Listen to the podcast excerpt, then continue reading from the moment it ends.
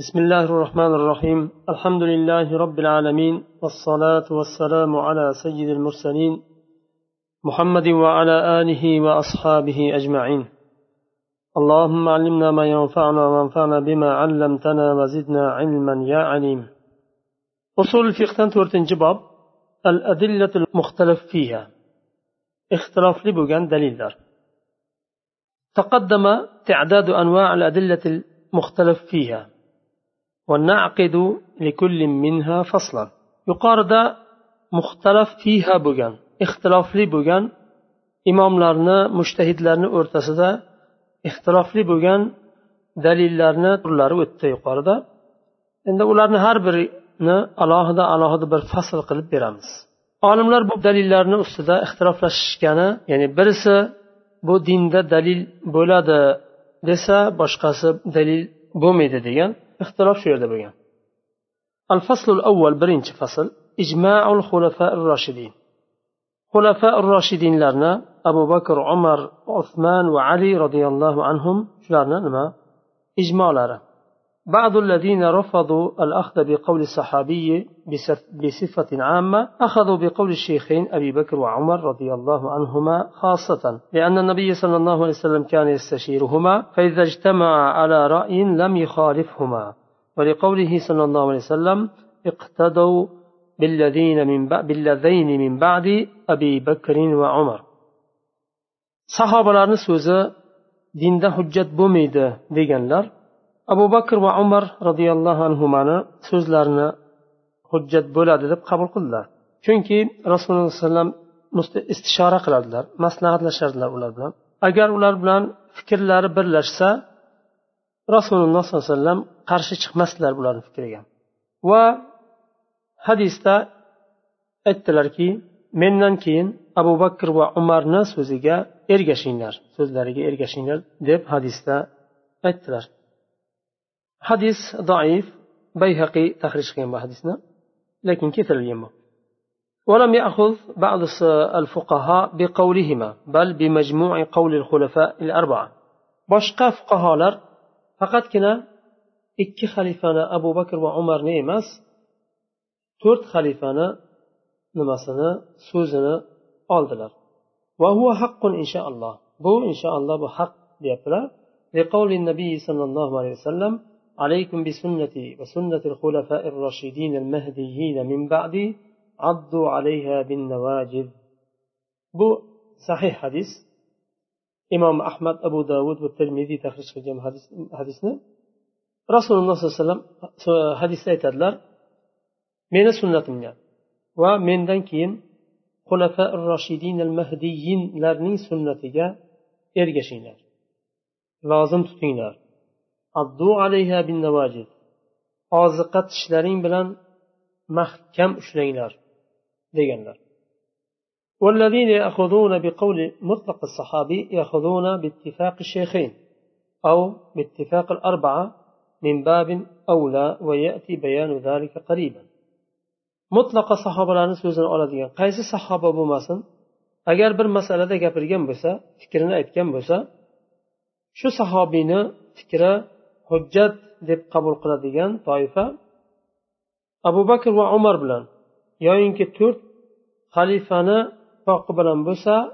yana ham afzalroq deb qabul qilishgan ومن حصر الأدلة الشرعية في الكتاب والسنة والإجماع لا يأخذ بقول الأربعة وممن ذهب إلى ذلك الظاهرية كم shar'iy dalillarni qur'on sunnat va ijmoda deb hasr qilgan bo'lsa cheklagan bo'lsa to'rt xalifani so'zini hujjat deb qabul qilmaydi ular zohiriyalar ikkinchi fasl aqvoli sahaba roziyallohu anhu sahobalarni so'zlari endi tarifu sahobiy sahobiy kim o'zi الصحابي لغة منسوب إلى الصحابة والصحابة إما بمعنى الصحبة وإما جمع الصاحب فكل من صاحب غيره ولو ساعة فهو صاحب لأن صاحب اسم الفاعل من, من صاحبه الصحابي لغة buni lug'aviy ma'nosi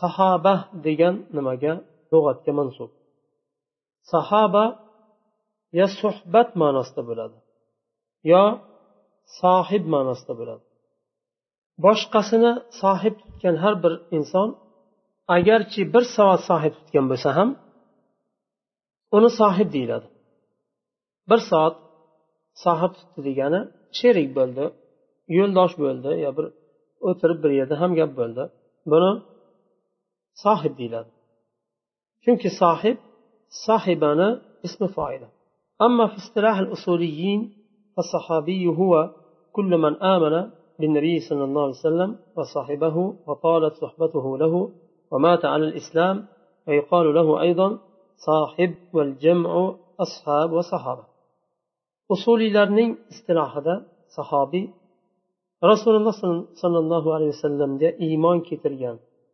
va u kishini sohib tutgan va suhbati uzun bo'lgan va islomda vafot qilgan har bir insonni sahobiy deyiladi.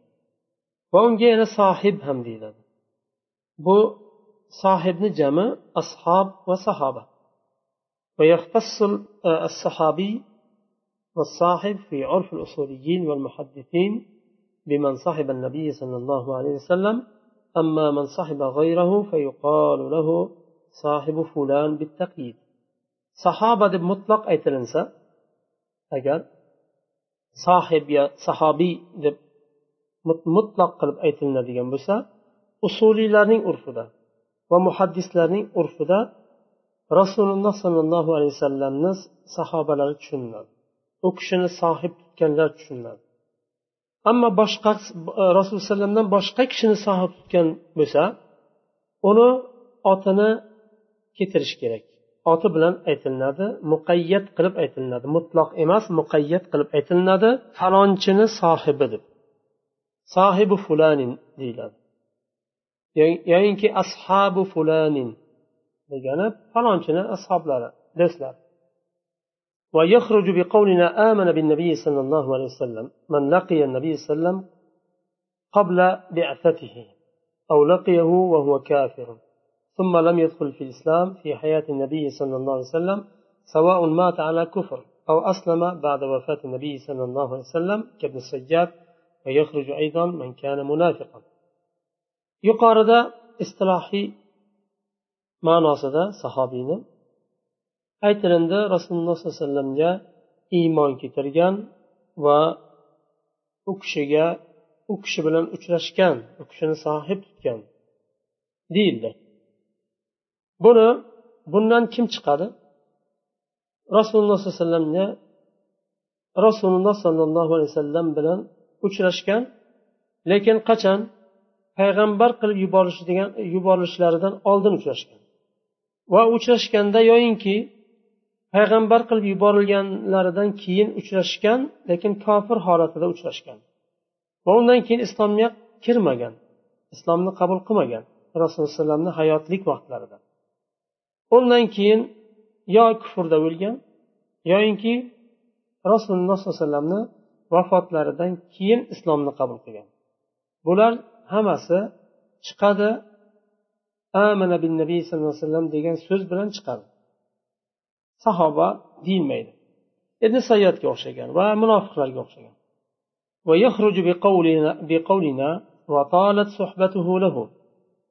Yana istilohiy ma'noda suhbati uzun bo'lgan deyildi. Bu so'zimiz bilan deyapti. Kim chiqadi? Bir marta ikki marta rasululloh bilan uchrashgan kishi chiqadi chunki suhbat uzun bo'lmagan. Yoyinki rasulullohni uzoqdan ko'rgan. Chunki bu ko'rish uni shar'iy ilmlarni olishga kifoya qilmaydi. Chunki rasululloh bilan birga bo'lgan bo'lishi kerak shar'iy ilmlarni olgan bo'lishi kerak diniy nimalarni ilmlarni tushunchalarni rasulullohdan muboshir olgan bo'lishlik kerak. Hatto u kishini so'zi ustun bo'lishligi uchun. Chunki u kishi rasululloh sollallohu alayhi vasallam bilan birga bo'lgan uzun muddat va u kishidan muboshir ko'p narsani ta'lim olgan va so'zi ustun turadi من جعل قول الصحابي حجة بنى ذلك على العلوم التي يحصلها الصحابي بطول الصحبة kim sahobani so'zini hujjat degan bo'lsa buni nimaga suyangan holda hujjat dedi chunki rasululloh sollallohu alayhi vasallam bilan uzun muddat suhbatda bo'lgan va rasululloh sollallohu alayhi vasallamdan o'zlaridan ilm olgan o'rgangan ta'lim olgan degan bir nimada suyangan holda aytilindi. Sahobani so'zi hujjat degan kishi rasulullohdan olgan ilmni va ko'rgan va ko'p bir voqealarga nimalarga guvoh bo'lgan ya'ni rasululloh alayhivasallamni bir narsaga hukm chiqarganlarida biror narsaga bir fikrlarni aytganda bir e, sharh berganlarida yonlarida bo'lgan shu ijtihod yo'llarini rasulullohdan o'rgangan e, degan nima bilan e'tiqod bilan sahobani so'zini hujjat deyishgan. Agar oz ko'rgan bo'lsa bir marta ikki marta ko'rgan bo'lsa u kifoya qilmaydi shar'iy ilm olishga. Va usuliylarda ular unda nimani e, sahobani tarifida nimani e, suhbat uzun bo'lishi kerak deb kelgan. So'zi hujjat bo'lmaydi ya'ni. Ammo muhaddislarda boshqa nima? Yo'nalish. Usuliylar sahobani tarif qilganda suhbati rasululloh sollallohu alayhi vasallam bilan uzun bo'lishi kerak. deydi muhaddislarning tarifida uzun bo'lishi shart emas uchrashgan bo'lsa bo'ldi hayotida iymon keltirgan holda uchrashgan bo'lsa bo'ldi فالصحابي عندهم من لقي النبي صلى الله عليه وسلم وآمن به ومات على الإسلام rasululloh sollallohu alayhi vasallam bilan uchrashgan va iymon keltirgan iymon keltirgan u kishiga va islomda vafot qilgan bu usuliy nimani muhaddislarning tarifi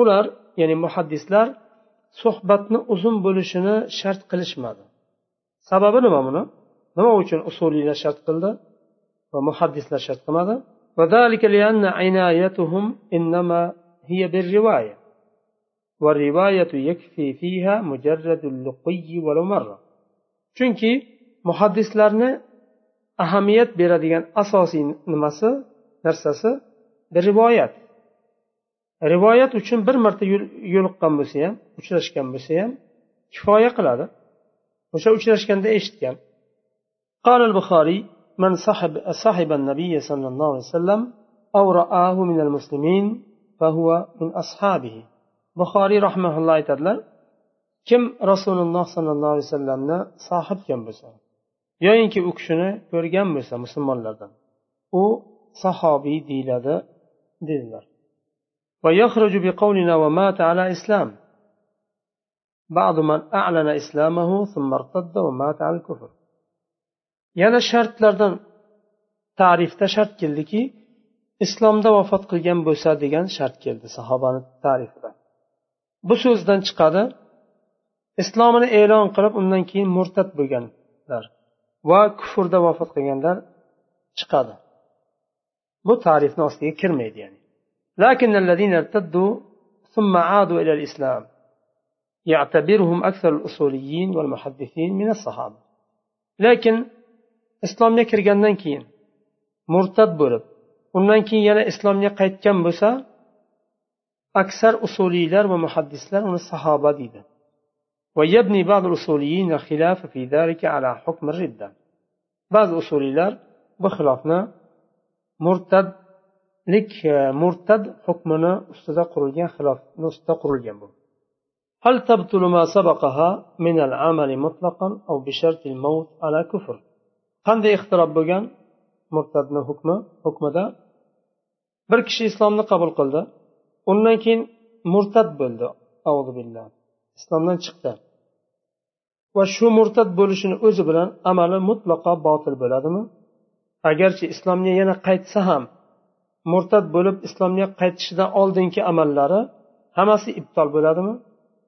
Habota bo'ladimi yoyinki islomga qaytsa oldingi amallari qoladimi? Va hamma amallari botilga chiqishligi uchun kufrda vafot qilishi shartmi?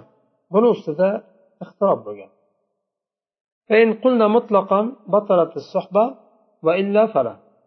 Agar mutlaqo murtad bo'lishi bilan hamma amallari oldingi yaxshi amallari yuvilib ketadi desak demak sahobalik ham yuvilib ketgan bo'ladi.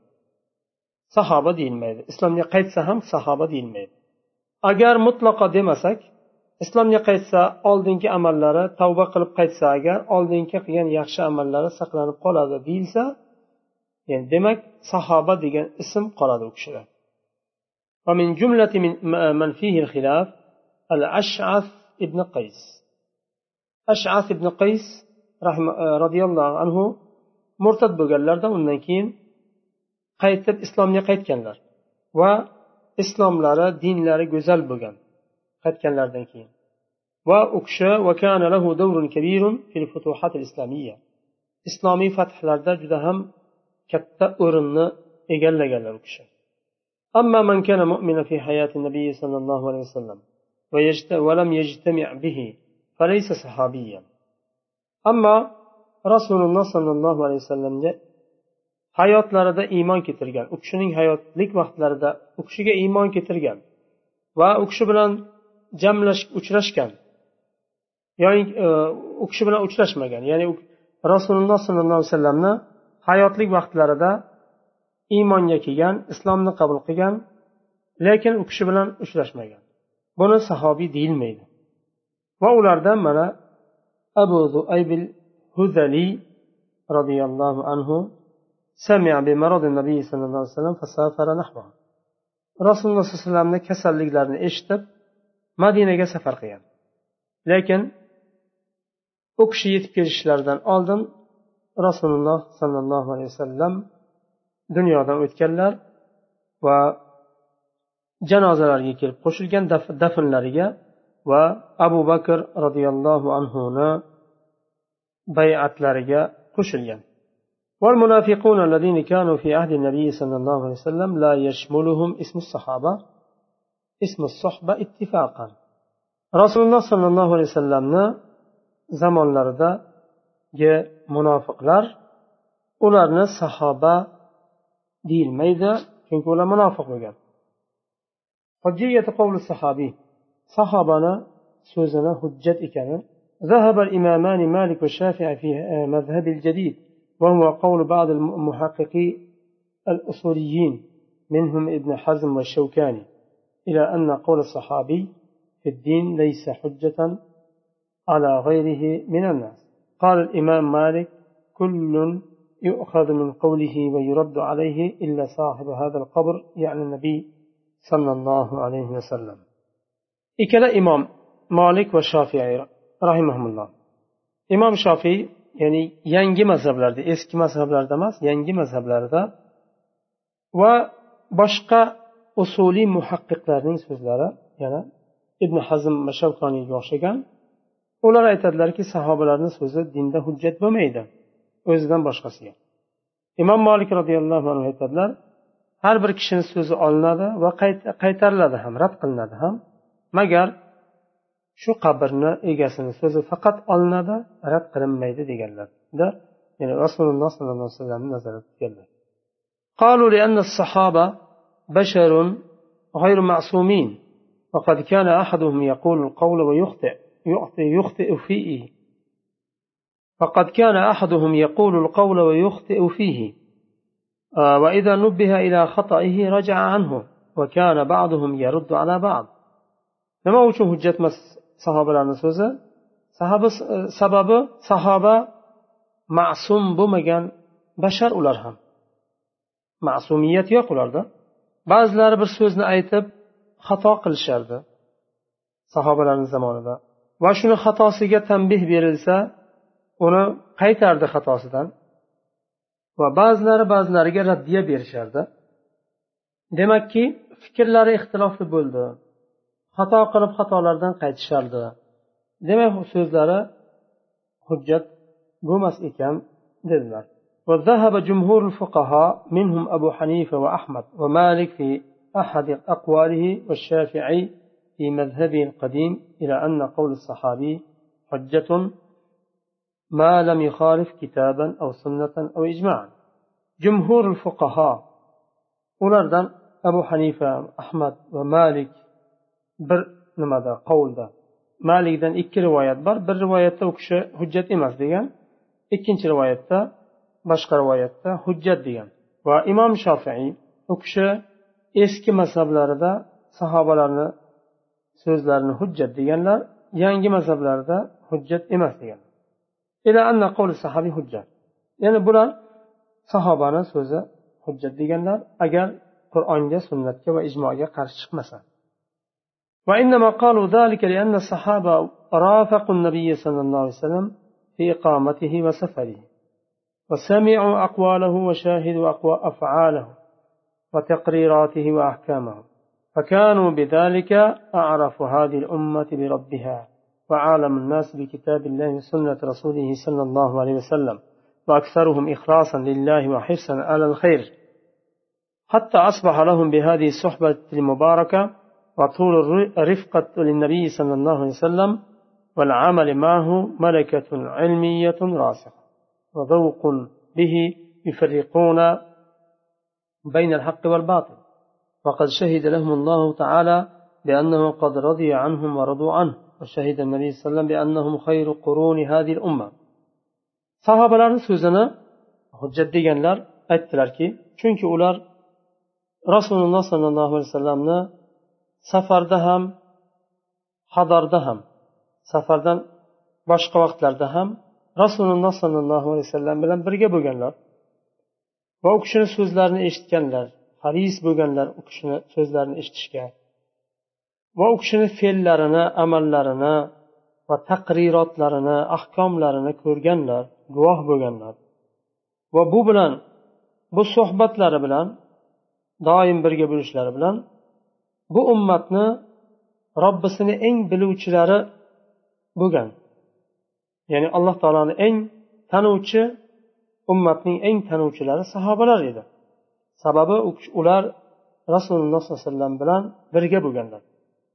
Va qur'on sunnatni eng chuqur tushunadigan insonlardi ular. Nima uchun? Chunki rasulullohni sahobalari edi. Birga bo'ldilar.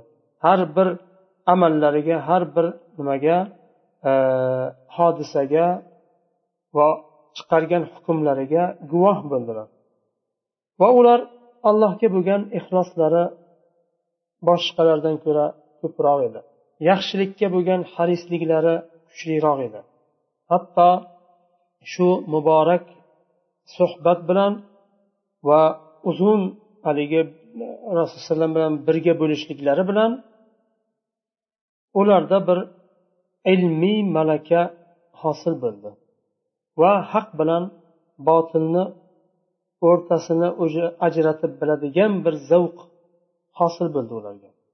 shuning uchun alloh taolo ularni ular haqqiga guvohlik berdi qur'onda va alloh taolo ulardan rozi bo'lganligi va ular ham allohdan rozi bo'lganligi haqida va rasululloh sollallohu alayhi vasallam hadisda aytdilarki sahobalar ummatni eng afzallari ekanini bildirdilar قالوا فالغالب أن يكون القول الذي قاله الصحابي في أمور الشريعة هو مما سمعه من النبي صلى الله عليه وسلم ولكنه لم يصرح بالسماع منه أو يكون مما علمه بمشاهدته لأفعال النبي صلى الله عليه وسلم أو تقريراته ولم يصرح بالمشاهدة. وأيتلر كينا كوبينشا sahobalar agar shariat ishlarida biror bir fikrlarni aytsa biror bir so'z gapirsa ular yo rasululloh sollallohu alayhi vasallamdan eshitganlarini gapiradi lekin eshitdim deb sarih aytmaydi. Yoyinki rasululloh sollallohu alayhi vasallamni fe'llarini amallarini ko'rib taqrirotlarini ko'rib ya'ni iqror qilganlar bir narsani ko'rganlarda iqror qilganlar rad qilmaganlar. Shularni ko'rib turib shulardan kelib chiqqan holda hukm chiqarganlar. Lekin bu iqror bo'lganlarini ko'rgan edim. va fe'llarini rasululloh alayhivasallamni fe'llarini amallarini ko'rgan edim deb sarih aytmagan bo'lishlari mumkin قد فهمه بمجموع ما حصله من العلوم بطول صحبته للنبي صلى الله عليه وسلم yoyinki rasululloh alayhivasallamni sohib tutishlik davomida hosil qilgan ilmlarini majmui bilan hukm chiqargan bo'lishlari mumkin فإن لم يكن من هذه الأنواع بأن كان قد قاله باجتهاد المحض فهو عدل عالم باللغة عالم بأصول الاجتهاد فيكون اجتهاده أولى من اجتهاد غيره ممن جاء بعده من التابعين فمن بعدهم. yuqorida o'tgan nimalardan kelib chiqqan bo'lishi mumkin sahoba bir so'zni aytgan bo'lsa bir hukmni chiqargan bo'lsa bir narsaga hukm bergan bo'lsa yo o'zini fikrini aytgan bo'lsa yuqorida aytildiki yo rasulullohni eshitgan bo'lishi mumkin. Yo u kishini amallarini taqrirotlarini ko'rgan bo'lishi mumkin. Yoyinki u kishi bilan suhbat davomida olgan ilmlariga suyangan holda gapirgan bo'lishi mumkin dedik. Agar shularni birortasi bo'lmasachi deyilsa faqat u kishi sahoba o'zini ijtihodi bilangina gapirdi buni. Hech narsaga suyanmadi deyiladigan bo'lsa aytamizki sahoba odil lug'atni arab tilini biluvchi eng yaxshi biluvchi inson va ijtihod usullarini ham biluvchilar ular sahobalar chunki rasululloh ta'lim olgan bunday ekan sahobani ijtihodi sahobalardan boshqalarni ishtihodidan ko'ra afzal turadi tobeinlar va ulardan keyingi ثم إن الذين قالوا إن قول صحابي هجة جعلوه في مرتبة بعد الكتاب والسنة والإجماع وقبل القياس واجتهاد الرأي فلا يجوز عندهم للمجتهد أن يجتهد رأيا يخالف قول الصحابي undan keyin kim sahobani so'zini hujjat degan bo'lsa ular qur'on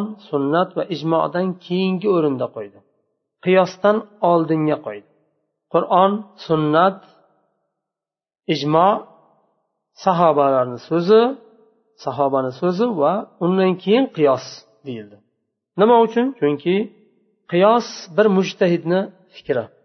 Dalilga suyangan holda ishtihod qildi qiyos qildi. Asli qiyosni asli baribir qur'on sunnat. Qur'on va sunnatga suyanmagan qiyos hujjat deyilmaydi. Asli qur'onga va sunnatga yoyinki sunnatga suyanish kerak qiyosni qiyosni. Masalan aytaylik mast qiluvchi ichimlik yangi chiqqan bir ichimlik bo'lsa uni nimaga qiyos qilamiz ichimlik bo'lsin yo boshqa bir narsa bo'lsin mast qiladigan bo'lsa kulli muskirin haromun. Har bir mast qiladigan narsa harom dedilar rasululloh alayhi vasallam. Demak yo to'g'ri hadis uni harom qilgan bo'ladi agar boshqa bir nimaga xamirga qiyos qiladigan bo'lsak xamirni alloh taolo harom qildi. Buni ham shu xamirga qiyos qilamiz. Va harom deb hukm chiqaramiz. Demak qiyosni asli baribir yo qur'onga yo sunnatga suyanadi. Aqlni o'zi bilan chiqarilmaydi. Qiyosda aql ishlaydi faqat uni illatini topishga to'g'ri illatmi yo noto'g'ri illatmi? Qiyosdagi asl bilan fara bir biriga to'g'ri tushadimi yo tushmaydimi?